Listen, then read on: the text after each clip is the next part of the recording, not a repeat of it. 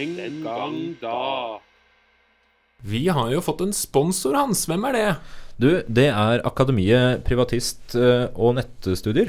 Ja, hva tilbyr de? De tilbyr privatist- og nettstudier. Det er jaggu godt at det ligger i navnet. Ja, Det, hva er det for noe? Det er eh, studier du kan eh, melde deg på hvis du ønsker å ta opp fag, eller forbedre fag, eller ta fag for første gang på videregående for å få deg generell studiekompetanse. Ja, Så praktisk. det er fint. Er, det, er de flinke? Du, de er veldig flinke. Eh, Er det lærere der? Det er lærere der. Og de lærerne, de, eh, deres mål, vet du hva det er? Nei. Det er å få deg gjennom med en bedre karakter enn det du hadde, eller en god karakter hvis du ikke har noen karakter fra før. Ja. ja, men det høres jo bra ut. Mm. Da anbefaler jeg alle som har lyst til å ta opp fag, eller ta fag på videregående. Gå inn på www.akademiet.no. Den gang da. Hei, hei, hei, hei, hei, og velkommen til nok en episode av denne fantastiske historiske podkasten Den gang da.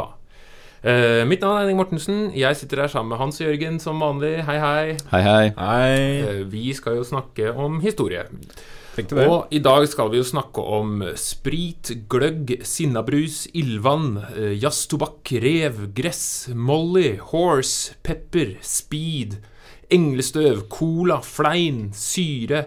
Eh, ja, kjært barn har mange navn. Vi skal Har- altså snakke om rusmidlenes historie, eller rusens historie. Jeg trodde det var barna i en Smiths vennefamilie okay. med alternativ vinkling. Eller eventuelt at du hadde begynt å spille på hest, for det høres ut som sånne hesteveddeløpsnavn. Hva med tivolitobakk? Skal vi snakke om det? Ja, vi skal okay. snakke om alt det eh, dette. Vi, vi maler jo med bred pensel som vanlig, så vi skal jo ikke dele inn i rusmidler. Men vi skal Nei, nei. snakke om rusmidler som en Ja, generell ja. betegnelse. Eh, hva med dere? Er dere glad i å ruse dere? Ja. Ja, I godt lag så tar jeg meg alltid litt rus. Jeg drikker ofte narkotika rett fra flaska. Oi. Mm. Eh, Det er jo viktig å ruse seg på rett tidspunkt. Ja, Å ruse seg litt forskjellige omgivelser er også setter jeg pris på. Ja. Dra på tur og ruse meg. Ute med blant andre mennesker. ja. Jeg ruser motoren en del. Ja. Det er lurt. Jeg kjører mye elbil, så det er ikke så Det er ikke gøy. du har kanskje en app? Nei. Jeg- Ja, du- ja, En ru- motorrus-app? ja, det er sant. Men vi skal snakke om rusmidlets, eh, rusmidlenes historie, eller rusens historie. Eh, Dette har jo vært da et forslag fra en lytter, så takk til Partap for eh, forslag til, til tema. Bare hyggelig. Det er veldig interessant tema, av både personlig interesse og alt mulig. Men vi, vi snakker med Men hvis vi begynner med rus Hvor lenge har vi ruset oss? Vi? Ja, altså menneskeheten. Ah, Historiens lange løp. Du, det er lenge, altså. Uh, ja, jeg vil Nei, altså, Det kommer litt an på. Men har, det vi har kilder til, er jo i hvert fall 10 000 år før Kristus uh, med alkohol. Uh, At man har på en måte funnet kilder på det. Men da er vi jo så langt tilbake at før det så har vi ikke noe særlig kilder. Ikke skriftlig art og sånn, i hvert fall. Så, så man kan jo sikkert anta at man har rusa seg på et eller annet vis lenge før det òg. Ja, med andre ord. Ja, hvis man får en eller annen ålreit virkning av en eller annen plante, så er det vel naturlig å tenke at noen har lyst til å gjenta det. Det er jo, ikke sant, Får du godfølelsen av noe, lager guttastemning og sånn rundt bålet, så får du lyst til det også før man begynner å dokumentere det for ettertida. Det spørs jo litt av hva også man definerer som rus, da. Hva, altså er det på en måte Må man innta noe, eller kan man uh, Anta noe. Rusa på livet. Ja, mener du? rusa på livet, ikke sant? Gud, gi meg det jeg trenger, eller Ja, det er, jo da. Ja, ja. Mm. Kan man komme i ekstase på den måten? Man kan jo det, men uh, Ja, hvis du holder pusten lenge nok, så blir du litt rusa av det òg. Mm. Ja. Men vi holder oss til uh, at man tar rusmidler. Men man må jo anta at kanskje man har rusa seg så lenge man har vært menneske. Jeg Må jo nesten det, tenker jeg. Uh, det er ikke noen grunn til at det liksom skal, plutselig skal ha oppstått. Behovet for å si det sånn, har jo alltid vært der. Ja, og de aller fleste kulturer har jo en form for rusmiddelbruk. Ja, ja.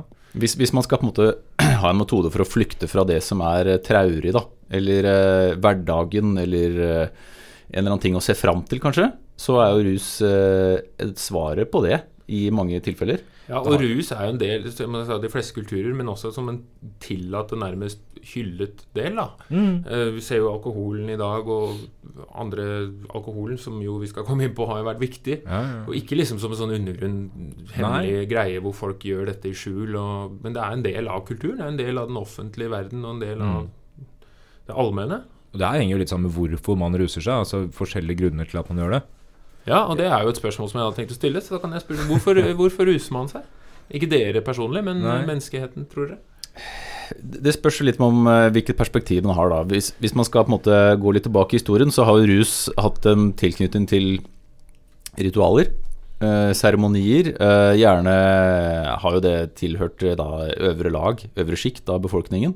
Som hvis du f.eks. er sjaman, eller hvis du er prest, eller eh, hvis du har en eller annet ansvar da, innenfor eh, ritualer som død eller begravelse, det er jo det samme, som kjent. Eh, eller at du skal ofre noe til gudene, eller hvis du skal komme i kontakt med gudene. Da trenger du gjerne litt hjelp da, på veien. Ja, for det, sånn Jeg har liksom eh, prøvd å kategorisere de årsakene som er til at folk ruser seg, litt basert på hva jeg har lest i historiske kilder, og litt basert på ja, meg sjøl. Og da er det tre dimensjoner, er det ikke det? Du har den sosiale eller rekreasjonelle dimensjonen, det er én. Og så har du den eh, religiøse. Og så har du den medisinske dimensjonen. Ja, og de går Hva med den eh, for å glemme? Drikke for å glemme? Det er vel rekreasjon, er det ikke det?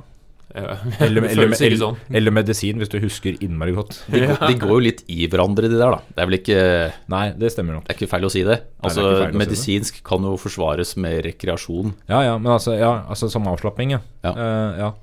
Men det spørs jo kanskje hva, om, om rusen er til deg for der og da, eller for at du skal oppnå noe i etterkant. Det kan jo være to forskjellige ting. Sånn som LSD, som kan få flashbacks eh, 15 år etter. Ja? Mm. Eller at du, du skal oppnå noe seinere, ved at du skal eh, bli utvikla og forstå verden på en annen måte. Så kan du jo ta rus for det, eller så kan du bare gjøre det der og da fordi jeg skal oppnå en god følelse i kroppen. Mm. Jeg pleier å drikke alkohol fordi jeg liker bakfylla. Ja, du er en av de få, ja. Mm. Eh, Du liker å straffe deg selv. Jeg hater, jeg hater å ha det gøy på fest, men dagen etter Jeg digger det. er du, merker du at det er annerledes nå enn, enn da du var 12-13 år? Nei. Nei, ok. Nei, du har alltid vært like fyllesyk. Det er alltid fra jeg var en ja, 7-8 da, og framover. Bare så det er sagt, hvis venner eller familie av meg hører på dette her Hei! Men eh, hva er det man er, Vi har nå snakket mye om rusmidler, men hva er det man ruser seg på, da? Rusmidler. Ja, skal vi ta Skal vi ta lista, da? Det er jo mange kategorier her, da. Uh, Jeg liker jo å begynne med alkohol. alkohol er jo kong alkohol. Som, uh, bror, som bror alkohol, eller eh, Skal vi starte med romerne, eller? Og grekerne? De Altså, ikke at de var de første. Men her har vi ganske mange gode kilder på hva man brukte alkoholen til. Mm. Uh, og én ting er jo det praktiske her. At, eh, at vann jo ofte var en litt usikker kilde på, eh, for hva man burde drikke, fordi vannet var gjerne dårlig. Så hvis man da gjorde noe med vannet, altså lagde alkohol av det, enten i form av øl eller vin, så var det rett og slett tryggere, kan man si da. Eh, det andre er jo det åpenbare fokuset på at man skal ruse seg, og at man da skal oppnå en eller annen selskapelig tilstand, eller eh, bare heisa meg rundt, eller hva man skal bruke til. Vi, vi, romerne hadde jo en gud uh, for eh, alkohol, Bakkus. Bacchus. Eh, Ja. og grekerne hadde en som var for, forskjellige ting, da, men Dionysos var også en gud man forbandt med alkohol. Vi kan jo da trekke inn den såkalte Bacchus-kulten som romerne hadde. hvor de samlet seg for å ja, i, i, Det finnes flere historiske kilder som skriver om dette, bl.a. Livius, som skriver om eh, fantastiske orgier. Eh, og en orgie, hva, hva tenker dere når dere tenker orgier? Sex og fyll. Ja, og det er det det var. Eh, og problemet da med disse Bacchus, denne Bacchus-kulten var at man gjorde det på tvers av samfunnslaga. Så de høyerestående personene kunne møte de laverestående personene i ei real fyllekule. eh, og ha seg med hverandre i ville orgier. Eh, jeg som har et forhold til Asterix fra barndommen av, jeg husker jo selvfølgelig de kjente passasjene som at man spiste bjørnekjøttkaker med syltelabbsaus. Uh, og dro med seg en reiseorgie til hest for én og, og sånne ting. Og Henning og jeg som har et forhold til orger fra barnsbena, mm. vet at dette stemmer. Ja, Og dere hadde barneorgier? Nei, vi, skal, vi trenger ikke å gå videre på Å vitsene. å nei, oh, nei, nei. Men uansett, dette, dette problemet da, eh, som man fikk, var at eh, staten så på det som en trussel mot nettopp samfunnshierarkiet, som man gjorde orgene forbudt. ja. Er, det, da, unnskyld, er det da kultur blir til ukultur? Eh, muligens. Eh, I hvert fall for noen, da. Det spørs hvilket eh, samfunnslag man spør. Mm. Og så har man noen ord da som Det er kanskje ikke ord som dere bruker så ofte, som heter bakanal. Som betyr vilt og støyende drikkelag. Og det er da rett og slett fra bakhus. Men er det der ordet bakkanal kommer inn? Altså Du skaffer deg f.eks. dop og, og sånt gjennom en bakkanal? Ja, det, det vet jeg. Eventuelt du smugler det til andre land opp i bakkanalen? Ja, men så Problemet var ikke fylla og orgiene i seg selv, men at eh, de rike menga seg med de fattige. Og det skulle man ikke ha nå. Nei, fysj. Plebsen meier seg med patricierne. Men du ser jo hvordan Bakkus-kulturen og sånn, altså den bakianske dyrkinga og Dionysus-dyrkinga får jo en framvekst i Europa på 1700-tallet, 1600-1700-tallet under opplysningstida og klassisismen. Da var man veldig glad i på en måte den antikke litteraturen og kulturen. Og så begynte man å Og da var jo samtidig som på en måte, vertshus og sånn fikk enda større framvekst enn det var tidligere. Mm. Så den, den kultusen vokste jo fram på nytt igjen da. Man skrev veldig mye om det, hvordan alkoholen forsterker alle følelser og er helt megagreier. Ja, og Mange ser på det som helt nødvendig også, utover eh, hvis vi skal inn på kunstneridealer. da, At man, eh, man drikker seg til eh, sans og fornuft, eller et kunstnerisk eh, nivå. da, Ja. som man, Det kan vi jo snakke om etterpå med andre, andre rusmidler. Så i Hellas og eh, i Romerriket så var det jo vel vin man stort sett drakk. Vin, ja, eller eddik hvis man var uheldig, da. Hvis vin hadde stått der for lenge. Men Ja. eh, vin var det eh, vanlig også blant barn, da, at man drakk uh, Tynn av vin, ja. tynna vin, ja, rett og slett. Så jeg vet ikke helt åssen det var. Eh, barnefyll, det høres liksom ikke Ja. så bra ut. Nei, men så mm. Jeg veit ikke. Altså, så lenge du alltid har gjort det, og det er jo ganske svakt, så har jeg jo bare en følelse av at det blir såpass normalisert at du ikke på en måte bærer så mye preg av det. Ja. Uh, men uh, det er jo altså Det blir jo nevnt i Bibelen nå. Noah drikker seg jo dritings. Vin er jo ikke helt uvanlig der. Jesus uh, lager vin. Le, Ja, av vann. Men det gjør man jo for så vidt. Han var Ja. litt raskere enn andre. Men, der, men også Alle folkeslag har vel vært Har vel eh, produsert alkohol, så vidt jeg veit. Bortsett fra Arktis og Nord-Amerika, der har det vært litt lite tilgang på en del ting du trenger. Du må ha gjær, da, i en eller annen form. Ja. Uten at vi skal gå inn på akkurat det. Men, eh, men du, du trenger Lær om gjær. Det er det ganske billige ingredienser da, for å lage øl og vin. Så Mm. tradisjonelt har det vært eh, lett da, å lage Altså Det er bare å få det til å gjære Ja. med en eller annen eh, form for næring, og så har du alkohol. Mm. Så fra antikken så var jo vin og alkohol en viktig del av kulturen der også. I, både i symposiumene i Hellas som man møttes og drakk og, og kosa seg. da Man finner jo fort ut at uh, alkohol er en god sosial smøring. Det er jo Mm. løsner litt på stemninga. Har du vært i edrubryllup noen gang? Aldri vært i edrubryllup. Har du vært satt? Nei. Mikael. Nei. God historie. Mm. Men vi, vi, i middelalderen, da, hvis vi går litt sånn kronologisk til verks, da, siden vi har vært i antikken, fortsatte man å drikke. Da kom jo plutselig kirken hardt inn, og kristendommen, og slutta man å drikke da. Man forbinder jo ofte litt sånn Nei, munkene drakk jo, da. Og munkene Ja, produserte jo øl, jo. til og med. Ja. alkoholfri, da, Munkholm. Nei, men det er, men det er, altså, det er egentlig først seinere med pietistiske protestantiske bevegelser at alkohol blir liksom fy-fy-greier. Det har jo alltid vært en vanlig del av kirkekultus også. Man drikker jo vin i kirka, tross alt. Altervin er jo Og det er jo bare at det, at det er alkoholfri, det er en ganske moderne oppfinnelse. Ja. Det må da være litt pga. produksjonen. Altså, Jeg aner ikke hvordan man lager alkoholfri vin, men det må jo være vanskeligere enn å lage alkoholholdig vin. Trakter kjedelig, antageligvis. Men, det er, men altså, jeg, så vidt jeg vet, så i de fleste katolske kirker, i hvert fall i utlandet, så er det jo vanlig med alkohol i vinen. Ja. Fortsatt. Som, Ja, ja. som altervin, og som eh, Ja. i, i nattverd og sånn, så bruker man jo ekte vin, da. Ja, det er bare her at man uh, Ja. kutter Får man øl hvis man ikke er så glad i vin? Eh, Nattverdsøl. Nattverdsøl. Ja, Dette det er er Jesu øl.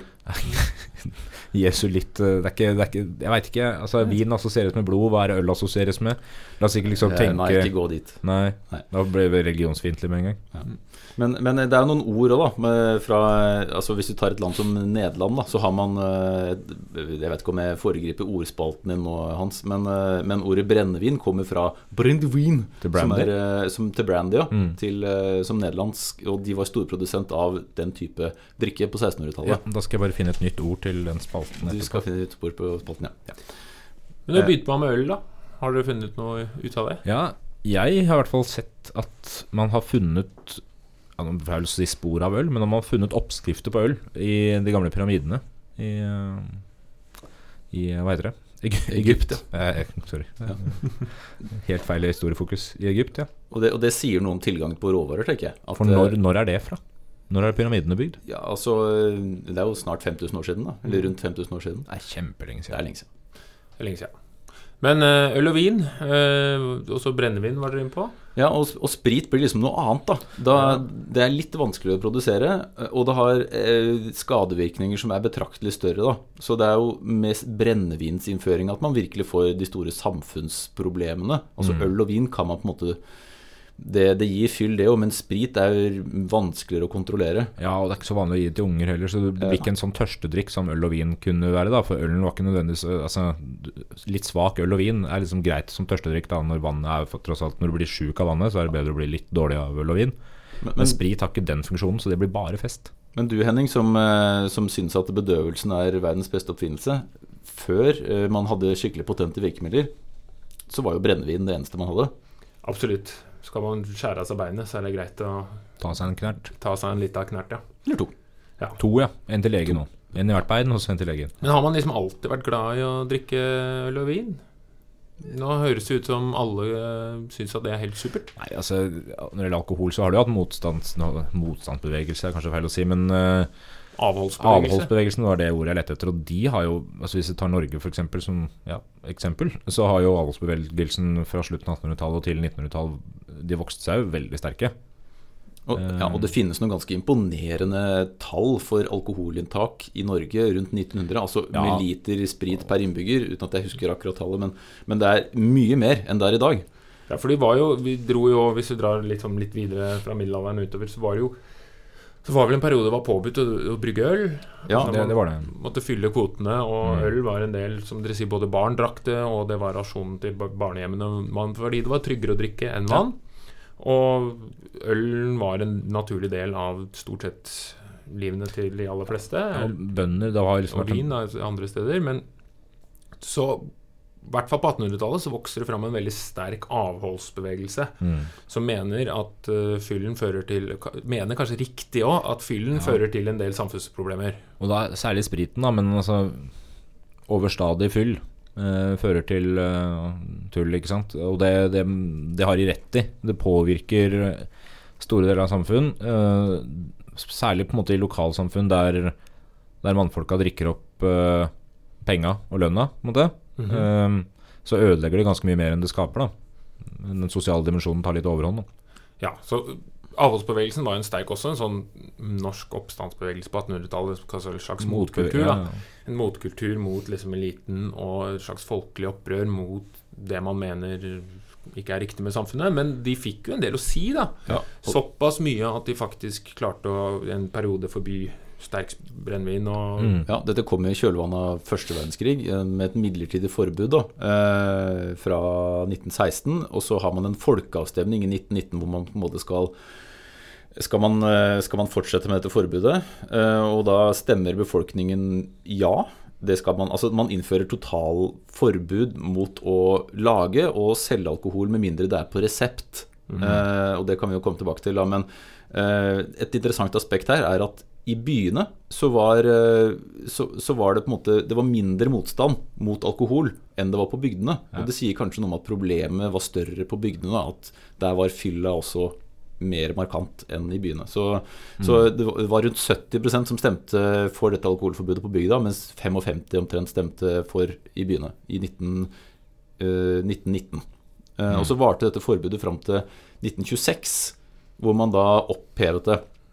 Med unntak av én spesiell ting. Eh, hjemmebrent. Og det er jo fortsatt en regel. At det er ikke lov å hjem, brygge hjemme eh, nå heller. Eh, men det førte til andre ting, da. Eh, det at, det, at det måte alkoholomsetningen er forbudt, bortsett fra gjennom legemidler. Og det førte jo til at det var en del reseptbelagt medisin da, som ble Plutselig blir sprit eh, medisin for ganske mange sykdommer. Ja, det er en universalmedisin. Og det er, det er noen tall på det her. Det er- det var blant annet én lege som eh, på 20-tallet en gang eh, skrev ut 50 000 resepter i løpet av ett år på, på, på brennevin da, som eh, medisin. Og så førte- ja, førte det selvfølgelig til mer hjemmebrenning, siden folk jo ikke kunne kjøpe, så brant de like fullt fordi de hadde kunnskapen. Og så førte det selvfølgelig også til smugling. At, uh, at man måtte innføre, importere alkohol da, hvis man ikke fikk uh, tilgang. Hvis du drar over til USA på samme tiden, så er det jo også alkoholforbud der. Og det er jo, man trekker, det er jo en av grunnene til fremveksten av denne ekstreme mafiavirksomheten og Al. Capone, som man kanskje har hørt om. og et, en, og Totalt sett så kan du også si at ufordelen med et sånt alkoholforbud er jo at man har jo alkohol, som har vært en viktig del av de aller fleste vestlige kulturer, og i hvert fall i Norge, da, en viktig del av kulturen. Og når man forbyr det, så skaper man en skille mellom folk og stat. Staten representerer noen verdier som ikke folk kjenner seg igjen i, for det er en, det er en viktig del av kulturen. Så når staten sier at det som de fleste driver med, er ikke lov, så blir det på en måte noe skurr. Selv om det var en folkeavstemning, så er det jo mange som ikke, som du sier, brenner sjæl og fortsetter som før. Og da, da, blir du Hva skal jeg si? Da blir du jo kriminell bare for å gjøre ja, ja. noe du vis, føler du alltid har hatt rett til å gjøre. På sett og vis er det kanskje vanskeligere å innføre det enn det var å innføre røykeloven. Uh, ja. for, for, uh, fordi det går utover kanskje et bredere del av befolkningen. Går det, ja, ja, det, ja det, det, gjør det nok, og det er en langt eldre tradisjon. Ja. Så, um, ja. Men um, Knytta til større deler av på en måte hverdagslivet da, og festlivet. Ja. Uh, du, har, du, har, ikke forskjellige typer røyk avhengig av hvilken mat du spiser. og sånn, Det er ikke så vanlig i hvert fall, Men akkurat, akkurat alkohol er på en måte så festa i på en måte kulturen. da Og så et lyspunkt da, i en hverdag som for mange er ganske ensformig. da Ja, det var koselig. Ja, men, uh, så, men det blir lovlig igjen, da. Det ble lovlig i 1926, øh, og så får man etableringen av Vinmonopolet da, i omtrent samme tidsperiode. Mm. Uh, og Vinmonopolet har vi jo fortsatt. Og det er jo, det er jo ikke så lenge siden man opphevet ølmonopoler. Det finnes, det, finnes det ett fortsatt, eller er det siste opphevet? Usikkert. Jeg lurer på om det var ett i Førde, hvis jeg ikke husker feil. Men det, ja. Aner ikke. Uansett. Ja. Men, men, dette er jo også den, altså begynnelsen av 20-tallet, eller etter, etter første verdenskrig. Fordi Man har jo også en litt artig betegnelse som en, uh, har blitt gitt til perioden sånn ca. 1870 til uh, 1814. Som kalles The Great Binge. Mm. Den syns jeg er fin. For det er jo en periode også ja. hvor det kommer masse nye rusmidler, og rusmidlene er ikke helt sånn underlagt noen slags regulering helt ennå. Og blir, alt blir presentert som vidundermidler, og folk tar stort sett det, det meste de kan komme over. Og så ser du da fra første verdenskrig og ut, så ser man jo mer og mer forbud og, og reguleringer. Også alkohol, da. Men vi må jo, nå har vi snakket en del om alkohol, men det er jo mange andre artige rusmidler. Så vi kan jo gå litt systematisk til verk. Eh, vi kan jo begynne med det nest vanligste rusmiddelet, altså cannabis. Cannabis, ja. ja. Eh, jeg, så en nyhetsartikkel om det her om dagen, og da var det veldig mange ungdommer i Norge som ikke visste at cannabis var forbudt. Nei. og det sier jo kanskje noe om hvor vanlig det er, da. I, eh, nå er jo ikke vi ungdommer lenger, selv om vi kanskje Snakk for deg sjøl.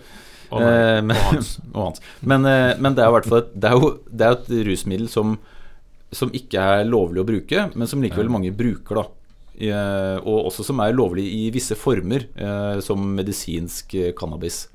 Um, men tradisjonelt så man, man har kilder på dette, at folk har brukt det i Kina for ja, 6000 år siden omtrent. Det er vel den eneste kilden jeg fant. Ja, 4000 før Kristus. 4000 før Kristus, ja. Mm. Uh, mye utbredt i Kina og India. Uh, også selvfølgelig det, det, store oppsvinget med hippiebevegelsen da, på 60-tallet. Um, og det er jo en del av en, en gruppe rusmidler. Cannabi, altså marihuanaplanten, som også var en bruksplante, altså i form av hamp. da. Ja, ja. Så har man jo eh, som, lager, som har laget tauverket, altså på en måte bruksområdet til hamp. Eh, det, det, er da visse hamp versjoner som man kan lage cannabis av. Mm. Og cannabis man har jo i Norge også, i en lang tradisjon. I eh, Osebergskipet. Nei, ja, ja. Osebergskipet er jo. Så man, ja. fant man jo uh, frø av sånne cannabisfrø mm. hos disse kvinnene som lå der. Og mm. antatt kanskje at det er brukt til noe religiøs uh, Ja, dette var en form for prestinner eller vol volver eller noe sånt. Ja. Og det, var, det, har nok vært et vanlig bruksområde for nettopp uh, cannabis. Det er jo å komme i kontakt med er en relativt snill Det gjelder flere rusmidler, da, men det er en relativt snill uh, rus. Uh, og du blir litt sånn uh, Men har jo vært glad og euforisk av det. ikke sant? Ja. Litt historisk. Det har jo vært svært utbredt i India, som du sier. Var hverdagsrusmiddelet der, om du mm. vil, for de aller fleste. Og har jo spredt seg utover til Europa, Storbritannia gjennom sant, kolonisering og kontakt, og USA osv. Og, så og har jo blitt en del av uh, del av kulturen for mange steder. Kom jo inn til Amerika og ble veldig populært i de svarte jazzmiljøene mm. på 20-tallet. Og knytta mye til dem. Men som du sier, eh, opp mot da altså som beatnik-generasjonen, og etter hvert også hippiebevegelsen. Ja. Mm.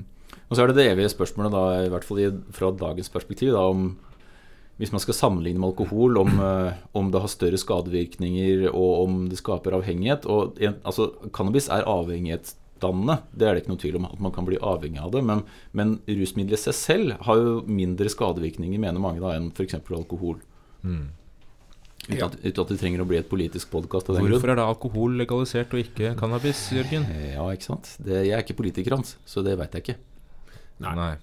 Men det er jo knyttes egentlig til altså, i, i disse her internasjonale konvensjonene hvor de møttes for å diskutere opiumsbruk og annen rusmiddelbruk. Den første var vel eh, i 1912. The International Opium eh, eh, Confederation Festival? Ja, nei, ja.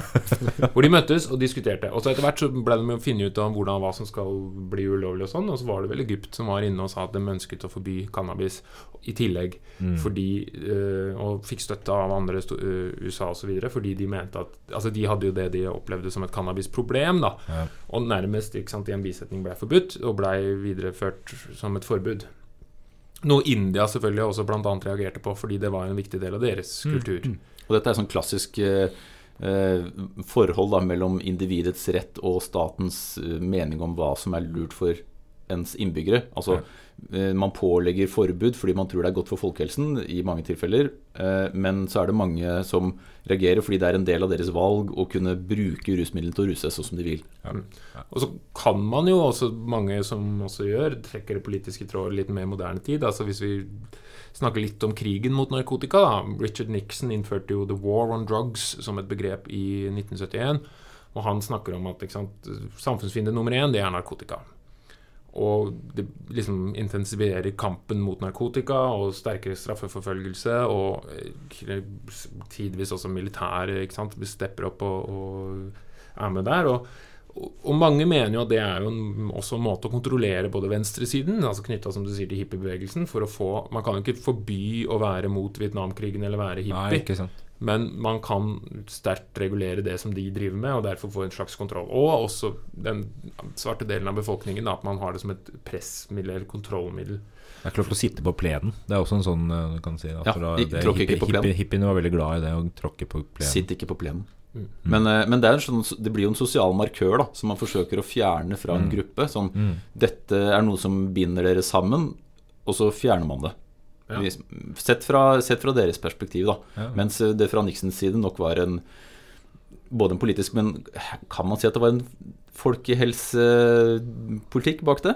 Ja, altså sånn, i, Hvis du tar narkotika som en fellesbetegnelse, så er det jo kanskje ikke så godt. Men så er jo narkotika ganske mye, da. Ja. Kan, det er stor forskjell på heroin og cannabis, men uten at vi skal gå inn i en slags politisk eh, debatt igjen, så er det så er det jo en stat som regulerer hva som er lov å bruke og ikke. Og man har jo forsøkt å forby alkohol. Det skapte jo masse motstand og undergrunnsbevegelser og kriminalitet. Så kan man jo si igjen da, samme med cannabis, da.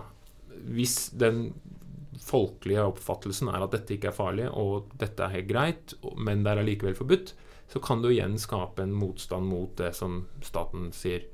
Ja, det blir rettsfølelsen lugger litt, da, når eh, på en måte, den allmenne oppfatninga ikke på en måte imøtekommes av uh, lovverket. Ja, kan, kan man liksom- lov og moral er ikke alltid det samme. Nei, det er jo det bør jo være sånn noenlunde likt. Ja, rettsfilosofien tilsier jo det, da, at det skal være At lovverket skal være en eh, form for speiling av moralske oppfatninger i samfunnet. Og Da kan man risikere å få sånne sovende paragrafer, da, hvor, Ja. hvor myndighetene vet om det, men ikke slår ned på det fordi det er så utbredt, og det ikke gir større problemer enn at de ikke trenger å slå deg ned på det. Nei, Som å sitte på plenen og Ja, drikke alkohol i parken. Så ser vi i dag da flere og flere stater, flere stater i USA, Canada, som også legaliserer det. Mm. Ikke sant? For Ja. det er jo ikke sant? Ting er ikke bare sånn som det er, og det er jo det historien viser oss, at ting flyter og ting forandrer seg. Mjøndalen har legalisert det nå, har de ikke? Mjøndalen, ja. De har jo legalisert. Men, men et politisk spørsmål da, er jo at uh, cannabis ses jo av, på så mange, av mange som en, en vei inn i et tyngre rusmiljø. Og spørsmålet da politisk er jo på en måte hvis man gjør cannabis lovlig, vil man da hindre at de da trer inn i tyngre rusmisbrukermiljøer da, fordi det ikke er ulovlig? Mm. Eh, Det, ja, det er et politisk spørsmål, da. Men vi kan snakke mer om det senere. Det står på programmet. Ja, eh, moderne ruspolitikk. Så vi kan ta det senere. Men vi hopper rett fra den ene enden til den andre. Fra cannabis til opium. Ja. Opium. Har dere prøvd opium? Uh, nei, jeg har Jo, jeg har prøvd opiater. Jeg har prøvd opiater, ja, Ja. men det har vært, Ja, ja, i Det har vært medisinsk. Ikke sant? Medisin, ja.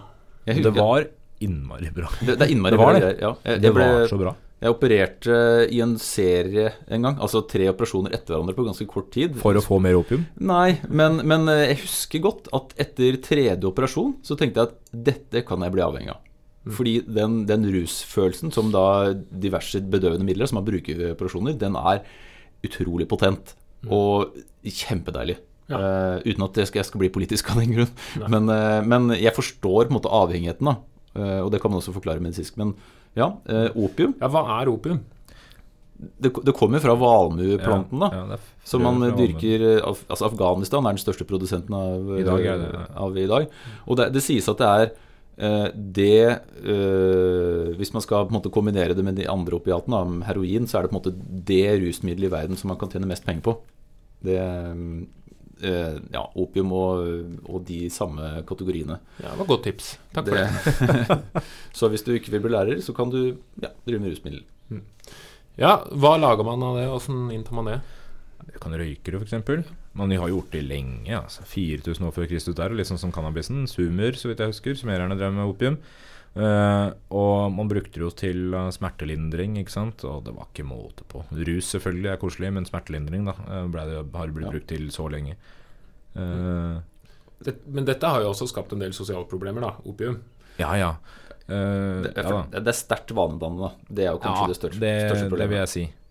det, er, det, det finnes en del historiske beskrivelser av mennesker som, fra, fra nesten 1000 år tilbake hvor man har inntatt opiater og blitt veldig avhengig av det. eh, På den måten at det går utover det sosiale livet. Da. Mm. At du blir oppslukt av rusmiddelet på en annen måte enn kanskje de svakere rusmidlene. Ja. Opiumet har hatt sin egen krig òg, har det ikke det? Opiumskrigen. Jo, det er jo en av de grelleste eksemplene på maktmisbruk eh, fra britenes side. Hvor, I såkalte opiumskrigen, hvor de påtvang den kinesiske befolkningen det at man skulle handle med opium. Ja, det var på 1800-tallet under imperialismen. Og da, der har du altså, ikke war on drugs, men war for drugs. Ja. Uh, Så eh, de, de, på en måte, de, de forbeholdt seg retten da, med å innføre opium på eh, det kinesiske markedet gjennom handel, og påførte jo mange i den kinesiske nasjonen store sosiale problemer. altså, det, var jo, det var jo flere millioner kinesere som var opiumsavhengige. Ja, for kort fortalt her så var det jo britene som fant ut at eh, i Kina så var det ikke så mye som de hadde som kineserne ville ha, men opium var fint. Det ville de ha. Og, og solgte opium i stor skala. Smugla det inn, for, for kineserne ville jo ikke ha det. Så Nei, og, og så ville kineserne også si stopp, dette vil ikke Mm. mer. Og så førte jo britene da og, og en krig mot to år. ja, for å få lov til å selge opium. Ja, Det er ganske, ganske sykt. Ja. Det er sånn Vi skal tvinge dere på dette behovet. Det var den som førte til at, var ikke den som førte til at Taiwan eh, gikk over til eh, britiske hender? Ja? Ja, det er mulig. Nei, ikke Taiwan, unnskyld. Hongkong. Hongkong. Hongkong den ble gitt tilbake i 97. Eh, I tillegg så jeg så det at eh, du har en sånn vidundermedisin, teriak, eh, som ble lagd av opium. En sånn medisin som skulle brukes mot alt der du hadde opium i. Og så, og så er de forskjellige oppskriftene for forskjellige deler av verden er liksom eh, alt, alt annet i, da. Eh, Neros lege, du er jo glad i Romerriket, Jørgen. Neros livlege hadde en sånn oppskrift på det. Med 67 forskjellige bestanddeler eller noe sånt. Jeg tror opiumet kanskje var det eneste virkestoffet som faktisk funka. Du har det i Norge også, med sånn einebærsaft. Eh, treak, det er en, det er en, det er et dialektord. Blanda med opium. Ja, på et eller annet tidspunkt så hadde man muligens opiater i det. Eh, nå er det vel bare en einebærsaft. Jeg lurer, jeg lurer på om det er det de driver og hinter til også i eh, Game of Thrones, hvor de snakker om milk of the puppy. Det er nok det, ja. Det er den, sånn, det eneste sånn det bedøvelsesmiddelet Ja, de har. puppet seed. Ja. Valmuefrø, ja. Ja, ja. ikke sant. Det er det nok. Uh, men uh, bort fra den dokumentaren Hvis vi går til fra, fra opiumet, så lager man jo også morfin. Da, så det er jo sikkert noe som du har vært bortpå. Ja, ja. I, Ja. i, bedøvelses... eh, Det er jo det man bruker det til. Når begynner man med morfin og klarer liksom å gjøre dette så rent og fint og potent som mulig? Hvis jeg husker riktig, så er det også dette en, eh, en kjemisk framstilling på slutten av 1800-tallet. At, man, eh, at man klarer å trekke ut en litt mer potent del da, av, eh, av opiumet, eller altså av valmuefrø. Mm. Og så får man en, en bedøvende effekt som er ganske mye bedre enn det man har hatt tidligere. Enn bare op opium Ja. som du røyker. Ja. Eh, som i sin tid også fører til morfinavhengighet. Da. Ja, ja, Og, og det er jo også et reelt eh, daglig problem, for morfin bruker man jo fortsatt i legemiddelindustrien og som et, fordi det er et utrolig godt bedøvelsesmiddel. ja, ja, og Og så kommer jo da uh, den onde tvillingbroren, da. Heroin. Ja, fordi heroin uh, brukes jo først for å, for, som et alternativ til morfin for å prøve å, prøve å kurere morfinavhengighet. Det er interessant, interessant. det er interessant, for heroin er jo er hakket hvassere enn uh, Det er ikke vanlig å bruke det i, i forbindelse med narkose lenger. Eh, Heroin, nei. Nei. nei. Men dette, dette er jo også utviklet da, i Tyskland eh, på slutten av 1800-tallet, hvor den store kjemiske fremskrittet skjer. Og da, da klarer man å isolere forskjellige kjemiske stoffer inn i nye stoffer. Og gjøre dem mer potente. Um, øh, og de øh, Det man får med heroinet, er et uh, morfinpreparat som er sterkere, og som øh, er enda mer avhengighetsskapende enn de andre opiatene. Men det er der- er navnet. altså test, Testpersonene som brukte det, følte seg heroiske når de brukte det. Der er navnet heroin. Ah. Så det er en sånn Ja. Og så, så visste man jo ikke Så det er, ikke, en- det er ikke en kvinnelig variant, altså? Heroin. Heroin, nei. Okay. Men man, man visste jo ikke skadevirkningene. Man dytta det inn i en haug med medisiner. Um, hostesaft f.eks. hadde jo heroin Det er jo også det er jo kreativ bruk av Du heroin. får, men du får jo fortsatt hostesaft med morfin. da Ja, det får du. Det er jo, altså Hvis du skal ha Kosulan med denne røde trekanten, så står det jo etylmorf på Ja. forsiden. Men heroin, ikke sant, i denne kjemiske revisjonen hvor man finner opp masse ting, og, og litt sånn ukritisk sender alt ut og skal tjene masse penger, så er jo heroin en ting som blir som dere sier, Mm. lagd som et eh, litt ålreit og rimelig fint alternativ til, til morfin. Et Mm. vidundermiddel, men, men skadevirkningene er jo ganske tydelige. Men det er jo litt artig, eller artig er det jo ikke, det er egentlig ganske tragisk. Hvis du ser over de opiumskrisen, altså over til USA i dag, man kan lese om i mediene hvordan legemidlene gjør folk avhengig, og man etter hvert går over til heroin. Mm. Som en stor liksom, samfunnskrise. Ja, ja. Så heroin og morfin, morfin holder unna. Godt tips. Ja. Ja. Med mindre Ja, man skal operere eller sånne ting. Ja, og da spør du stort sett om det er andre som kan gi det til deg. Mm. Du administrerer det ikke sjøl før du møter opp. Godt sagt. Ja. Takk. Kan vi gå videre på rusmiddelslista? Ja takk. Ja, dette blir litt av en fest. Å Da er det klart for litt eh, kokain. Oh. Ja. Coca- Eh. Coca- Coca-blader har jo Coca-Coca-Coca-blader har jo blitt brukt i ja, 5000 år, kanskje. Peru kommer det den fra. ja, for det, nå er vi i Sør-Amerika, ikke sant? Hvor Det det, er vi, er vanlig å tygge colablader, for det gir en slags eh, Ja, oppkvikkende effekt. Ja, og du kan jobbe hardere og litt lenger med det. Av kokan. Det er praktisk. særlig i Peru, oppe i, høyde, i høye fjell, så viser det seg at det var lurt da når det er litt tynnere, Ja. altså litt mindre, ja, sånn tynnere luft. Også for å gjenta historien, da, på slutten av 1800-tallet i Tyskland, som åpenbart alt har blitt produsert, så klarer man igjen å isolere da stoffer fra dette kokabladet som gjør at uh, de blir sterkere. Og da får man kokain. Det er en kobling her til den industrielle revolusjonen. Ja, altså, du har liksom vitenskapsframgang og alt mulig på 1800-tallet som også da fører til fremveksten av en haug med nye gøyale kjemiske stoffer. Eh, kokain eh, Altså det er mange, det er mange sånne kjente myter. eh, og det er vel ikke en myte at kokain ble brukt i Coca-Cola?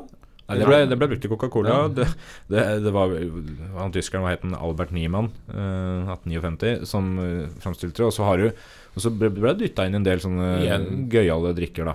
Ja, og, og igjen et universalmiddel. Universalmiddel. Som, som det virker som alle rusmidler på et tidspunkt har vært. Sånn at dette hjelper mot alt. Prøv det, og du vil få masse effekter. Man føler seg jo umiddelbart bedre. Det er en, det er en vintype som heter vin mariani, eller vin mariari. eh, et eller annet sånt. eh, der du hadde Bordeaux og kokain i blanding. Ja, I kombo. I kombo, ja. Det må ha vært veldig potente greier. med kokain. Det er koselig. Jeg forbinder det bare med Exit jeg, og finansmiljøet. Ja, for det har jo blitt en, et lite narkotikum på mange måter.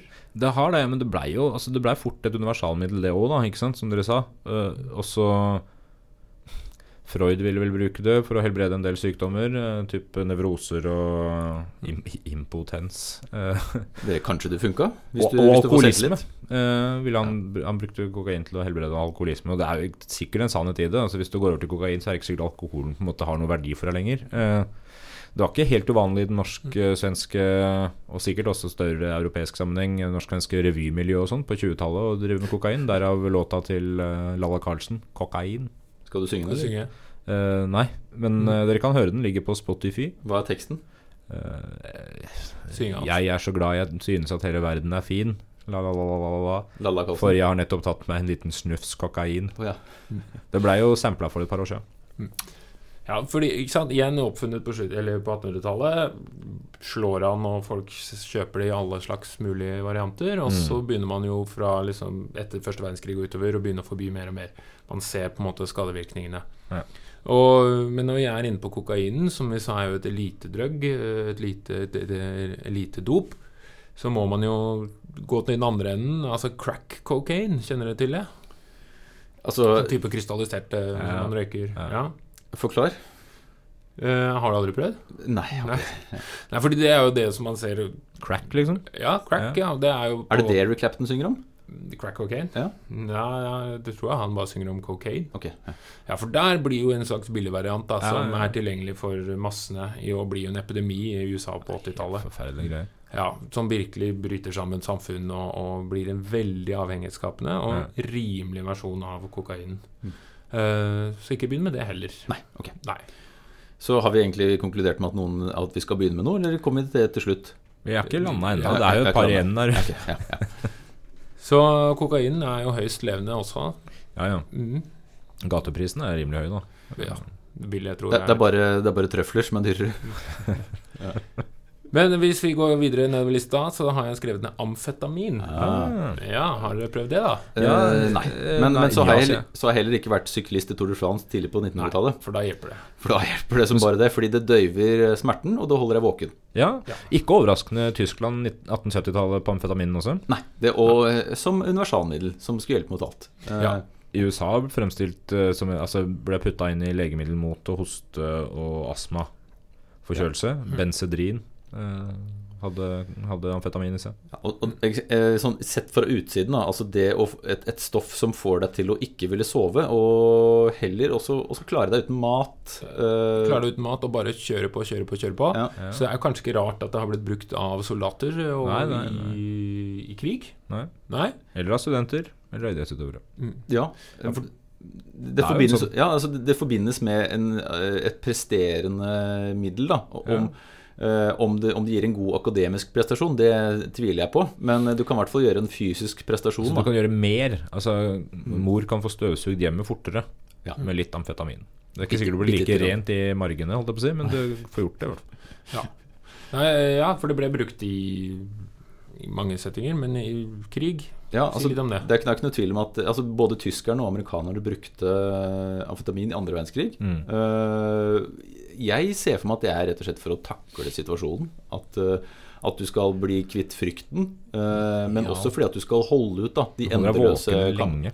Mm. Så tyskerne hadde vel, og amerikanere hadde, ja, begge med seg amfetamin i felt. Mm. Hadde de ikke det? At de, og, så- kunne de ta det for å rett og slett holde ut eh, drøye skuddvekslinger da, som kunne drøye Mm. ut. For rus og krig har jo alltid vært egentlig Det er det man ikke tenker over når man leser om kriger og utbrudd og Napoleon og alt sånt, men rus og krig har jo alltid vært tett forbundet. Altså, alkohol har jo vært vanlig. Ikke sant? Alkohol, både ikke sant, andre verdenskrig og første verdenskrig var jo alkohol, alkohol veldig vanlig, og viking altså Dra det helt tilbake, så må man jo anta at de fleste som har kjempa i brutale kriger, har vært eh, påseila med et eller annet. Ja, ja, og ikke snakk om på en måte, fluesopp og flein og sånn, ikke sant? For å Mm. Ja. For, ja, det, det, så det, det er en måte å takle det på. Da. Jo, Ja, ja. Eller, eller å holde ut, på et vis. Hvis du er Tour de France-syklist, og, og det, det fins jo folk som har tatt eh, amfetamin tidlig i Tour de France-historien, altså det store sykkelløpet, Ja. eh, og som har omkommet da, fordi kroppen overbelastes, og du, Mm. du tar ikke hensyn til signalene som, som vanligvis gis da når du er i amfetaminrus. Så hvis du sykler opp et fjell uten å drikke nok, så kan du dø rett og slett av utmattelse. Så ikke ta amfetamin u, nei, ikke amfetamin. Nei, Nei. upraktisk. Eh, neste på lista som jeg har, er sånne psykedeliske, har jeg bare skrevet. Ja, Og det er jo ganske Diverse psykedelika. Ja, psykedelika. Altså, nå har jeg vært inne på sopp og den type ting, men, eh, og LSD da kanskje mest kjent. ja, gamle, gode LSD, som ikke er så gammel for øvrig. nei. Hvor tror eh, dere den kom fra, da? Eh, la meg gjette. Tyskland? Nei, det var Sveits, Ah. men det er jammen meg ikke langt unna. Ja, de snakker tysk der òg. 38, Albert Hoffmann. Eh, jeg, har bare, jeg forbinder liksom LSD som musikerdope. Mm. Eh, eller kunstnerdope, fordi de gir eh, hallusinasjoner. Og eh, mange musikere prøvde det på 60- og 70-tallet. Eh, Pink Floyd, eh, eh, The Doors, Bob Dylan, Ja, ja. Som, som måtte åpent har eksperimentert. Og, Pink Floyd da har alltid tenkt at da de lagde Dark Side of the Moon, deres store album, så har de en låt som heter Any Color You Like. Mm. Og tenker jeg her har de blitt inspirert av eh, noe som gir slags hallusinasjoner. Ikke helt usannsynlig. Eh, Men LSD er jo, som du sier, ble oppfunnet i 38, er det? Ja. Og det var jo igjen da også som i medisinsk eh, Man tenkte dette er jo et fantastisk uh, Ja, middel som kan ha visse medisinske effekter. Og man forsket en del på det. ja, og Hoffmann hadde jo ikke planer om å lage et, et festdop, liksom. Nei. Og han etter sigende da smakte på dette her for å se hva det var, og fant ut at oi, dette var eh, saker. Det var jækla ja, hvordan, potent, ja. hvordan reagerte den? Ja, sikkert med en tripp, da. En Som det kalles. Ja. ja, for han, altså, det, det meste av stoffer er ikke kjempegiftig i bitte, bitte små mengder. Eh, LSD er det. Ja. Du må ikke ta så mye av det. Nei, den, den er konsentrert, ja. Ja, og, men eh, som jeg sier, igjen begynte å forske dette var, Man tenkte at dette var et fantastisk kur mot uh, avhengighet. Mm. Både alkoholisme eller hvis man røyka eller noe sånt, man kunne kurere det for det. Og man la inn en del ressurser og penger på forskning, men så stoppa det. Igjen da knytta opp mot denne her antinarkotikatankegangen som vokser utover eh, hele Mm. 1900-tallet, og med The War on Drugs som et sånn endelig punktum for all type eksperimentering og forskning på, på virkningen som en slags medisinsk virkning av det man Ja. kan definere som rusmidler. Men igjen også så er det mange da som mener nettopp, også pga. venstresidas og hippiebevegelsen og den litt mer radikale delen av befolkningen som, som liker dette her, da. Og at det, blir et kontrollmiddel for å, for å holde kontroll på det at de ikke får for mye å si. Nå husker jeg ikke hva han het, men det var han var Harvard har, Jeg hater å uttale det navnet. Harvard- Harvard-professoren som på 1960-tallet slutta jobben sin som professor for å, for å fremme bruken av LSD. Ja, ikke sant? Det er prioritering, da. Eh, ja, jeg husker ikke hva han heter. Det var leit. Men, men dette har blitt tatt opp igjen, da, den type forskning, eh, nå i moderne tid. Og så har man jo også sett det man antyda på 60-tallet, at det kan eh, hjelpe mot forskjellige typer avhengighet. Og at det ikke bare er negative stoffer, som det jo ofte er da med alle rusmidler. At det, det har effekter både på pluss- og minussiden. Eh, den store plussiden da, med mange av disse hallusinerende stoffene er at de ikke er spesielt vanedannende. Annet enn at du på en måte ønsker kanskje å oppleve en slags hallusinerende effekt igjen. da så ønsker, du ønsker opplevelsen, men kroppen ja, trenger men, ikke men sammenlignet, sammenlignet med cannabidoider og heroin, så er det ikke avhengighetsdannende Mm. på samme måte. Da. Og, det, og, det, og måte, i samme kategori så har man jo eh, gamle klassikere da, som fleinsopp, eh, psilocybin og denne drikken som heter ayahuasca, som, Mm. er, eh, som du finner i denne kaktus... eh, Nei, unnskyld, det var peyote. Det, det finnes flere varianter som det finnes naturlig i naturen, da, som du kan eh, som sjamaner og eh, andre lignende mennesker har brukt i forskjellige seremonier opp igjennom. Mm. Jeg jo at man kommer i kontakt med noe som er utenfor seg selv, og noe Ja. større og noe Det er jo litt ja. sånn som når man altså, sånn, Samme effekt som man fikk når man måkte inn på den der grønne feen, ikke sant? Vi snakker om uh, Det var ayahuasca, var det ikke det? Jo, jo man, hvor man drakk uh, mm? Er det den du tenker på? Den grønne teen? Ikke te. Grønne, ja, jo, da, da var det Ja. der. Men den, den grønne feen, altså i overført betydning uh, eh, Herregud, har jeg mista ordet nå? Frankrike. Mm. Moulin Rouge og hele opplegget der. Oh, ja. ja. Eh, alkohol. Absint. Malurt Ja, absint. ja. Malurt, ja. Mm. Ikke sant? Det er også en sånn der hvor du har litt kreativ blanding. Dette her var jo veldig vanlig ikke sant? Mm. rundt 19... Altså det her var jo også the great binge-perioden. da mm. Også absinten var jo eh, populær ikke minst fordi den var utrolig sterk. Ja, altså både eh, Ja. i alkoholprosent, da. Så det Og med mal malurten i så blir den jo litt sånn heftig. Så ja, eh, LSD. Bør man prøve det? nei, nei, nei, Nei, vi, vi skal la det ligge. Altså, men Kjært barn har mange navn. Akkurat LSD har stort sett syre eller LSD, og i hvert fall ikke Hva er det det egentlig heter? Lys... øh, da kunne jeg jo. Lysergsyredietylamid. Uh, hadde det slått an litt ikke godt hvis ingen hadde tenkt på å forkorte det? Nei. men, men det er i hvert fall et stoff som, eh, som er interessant, da. Ja, Forskningsmessig. Og, og forskningsmessig så er det jo begynner man jo å se på det igjen. Ja. Mm. Så tiden får vise. Ja. Eh, da har jeg det siste sånn av de store sju som jeg har på lista mi. Ecstasy. Ja. Eller MDMA, for det har jeg forstått er mye av det samme. Jeg får bare sånne Nei takk, nei. Nei takk. Men jeg får bare sånne vibber til liksom 90-tallet og hvite, hvite linklær i sånne store partytelt. Og så folk som tar fluortabletter. Det er liksom Du tenker på Ja. Hyperstate? Ja, jeg tenker på Hyperstate. Uh, Var du noen gang på Hyperstate? jeg var ikke det. Eh, og jeg veit ikke om jeg skal angre på det. Eller om eh, Ja, for men- du, tok, eh, du tok eh, dette her hjemme isteden. Ja, eh, ja, jeg gjorde det. Jeg fikk Mm. det da jeg var liten. Nei, jeg gjorde ikke det. Men Nei. det er jo, det er jo ecstasy er en av disse MDMA-kategoristoffene som, eh, som ligner på amfetamin. Da holder jeg våken. eh, opprinnelig lansert som et slankemiddel. Fint, fint. Eh, Du tidlig på glemmer å 1900-tallet. Ja. Og også brukt som en psykoterapi på 60-tallet. Altså, det er mange ting som går igjen her. da Altså Man har sett effekt, og så har man forsket på liksom, Ok, hva kan man bruke det til, og så har man prøvd seg fram. Og så har man funnet ut at ah, det har en del negative effekter, og så gjør man det forbudt. Og ecstasy, i, eller det er en variant, da, men eh, MDMA ble forbudt i, på 80- og 90-tallet, så sent som det, ja. i, i forskjellige land. da Eh, Det store problemet med ecstasy er at det er ekstremt vanedannende, og at det også kan ødelegge dopaminproduksjonen din i hjernen fordi det frigjør unormale mengder med dopamin som gjør at du oppnår denne rusen. Da. Og så får man en mangel på det hvis man slutter, eller hvis man blir avhengig. Da. Ja, nå har jeg fått et helt annet syn på ecstasy. Ok, eh, du tenker Nei, ja, ja. Ja. Mm, ja. Og, det, så de, og, og, så, og så ser jeg for meg disse fluortablettene, da, som Mm. er liksom sånne små eh, smilefjes som har ja. Gøyale farger og Så det- part, det- det- partydope fremfor ja, noe. Veldig potent eh, og ganske risky rusmiddel, kan man Ja. vel si. Men ganske utbredt i dag, er det ikke det? Uten at jeg- Jeg, jeg fant noen prosenttall på det. Det er, det, er, det er mindre utbredt nå enn for 15 år siden. Det er rundt 2 eh, som har prøvd det, i, basert på en amerikansk undersøkelse, mot 3% en gang på 90-tallet. Så det, er, det har vært mer populært. Da. Ja. Ja. Eh, men ja, ja, da har vi gått gjennom lista av de rusmidlene jeg kom på. Sånn, det er jo sikkert mange Ja, flere Ja, vi, vi, har rusmidler. glemt, Ge- vi har glemt Georgs magiske medisin.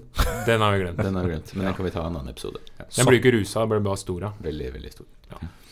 Men det, rusmidler, som sagt, tror vi ruser oss uh, av samme grunn nå som før. Hvis du tenker Ja, liksom historisk. egentlig. Ja, kanskje ja. Virkelig, virkelighetsflukt. Mm, Virkelighetsflukt. Altså, du skal snakke om det religiøse perspektivet og det å få kontakt med ånder og sånn. Kanskje ikke så mye, men det er sikkert noen som gjør det òg.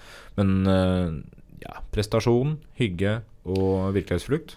Altså, for, for min del, hvis jeg skal ta alkohol, som jo er det vanligste rusmiddelet, så er jo det Det er jo ikke bare knytta til rus, det er også knytta til en sosial setting, og ikke minst smak.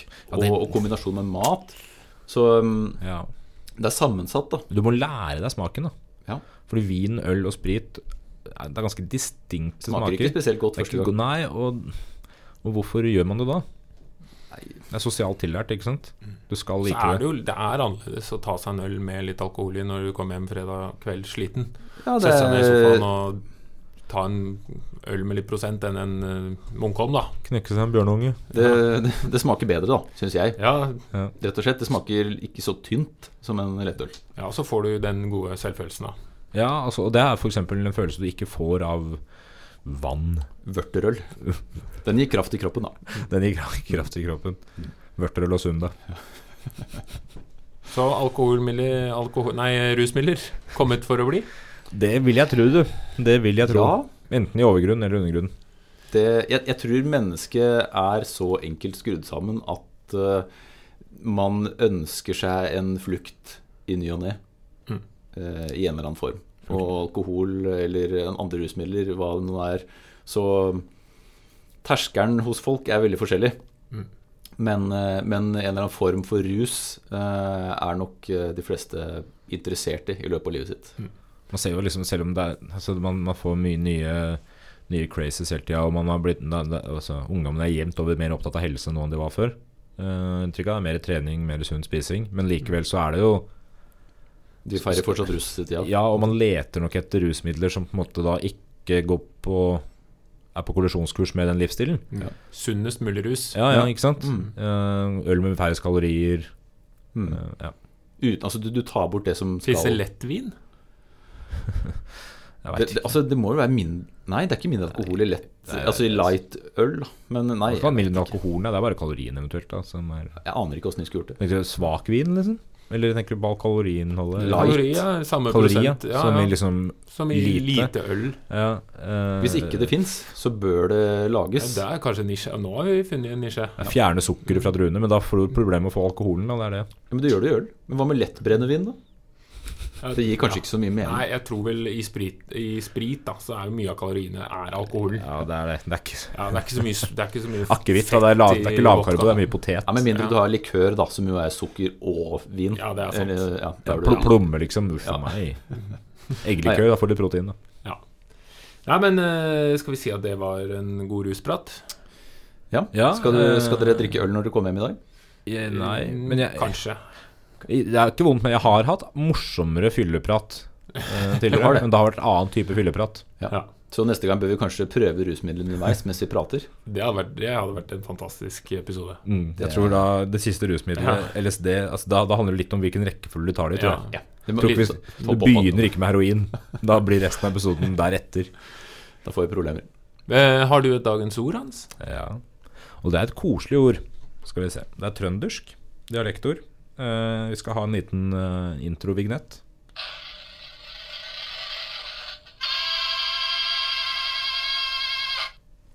Atom. Atom. Et atom, eller atom, det er altså et øl som du lager i ei vaskebøtte. Det trenger ikke å være vaskebøtte, men det er en bøtte bare. Det er veldig enkel øl. Uh, den lagres Hvor lenge lagrer man vanligvis øl? Mye lenger. Den her lagres i noen få dager, og så øses du, øser man bare rett opp fra bøtta da du rekker. Eh, så det blir litt som å drikke sats, eh, men du får veldig umiddelbar fyll av det. Så det er at- atom. Ja. Ja. Atom. Atom. Jeg har bodd fem år i Trondheim, men det har jeg aldri hørt om. Nei. Jeg var kanskje i feil miljø. Eller rett miljø, eventuelt. Ja. Ja. Nei, men supert. Da sier vi takk for nå. Hyggelig å høres igjen. Vi høres. Jeg er så glad jeg synes at hele verden er min Traderadderullande For jeg har nettopp tatt meg en liten snufs kokain Traderadderullande Jeg var på kafé med en lammers Og fikk meg et pulver i smug av en fyr. Jeg tok det med hjem på mitt kammers Da ble jeg så deilig og yr Alltingen seiler sakte til min salige fryd. Deg Bløtt gjennom etterbølgene stemmer stenga mot syd. Deg Jeg svever så fri og så ledig. Farvel Stortingsgata og Sagene ring. Jeg drømte jeg var i Venedig Og svømte på gaten der omkring i de azure bølger og deg med legemet gli deg. Det var ikke snakk om her å bli tatt for løssvømmeri deg. Nei, velhaven kom som et fata Morgana imot meg med roser i favn Velkommen, velkommen til gata Du dronning fra Islandes havn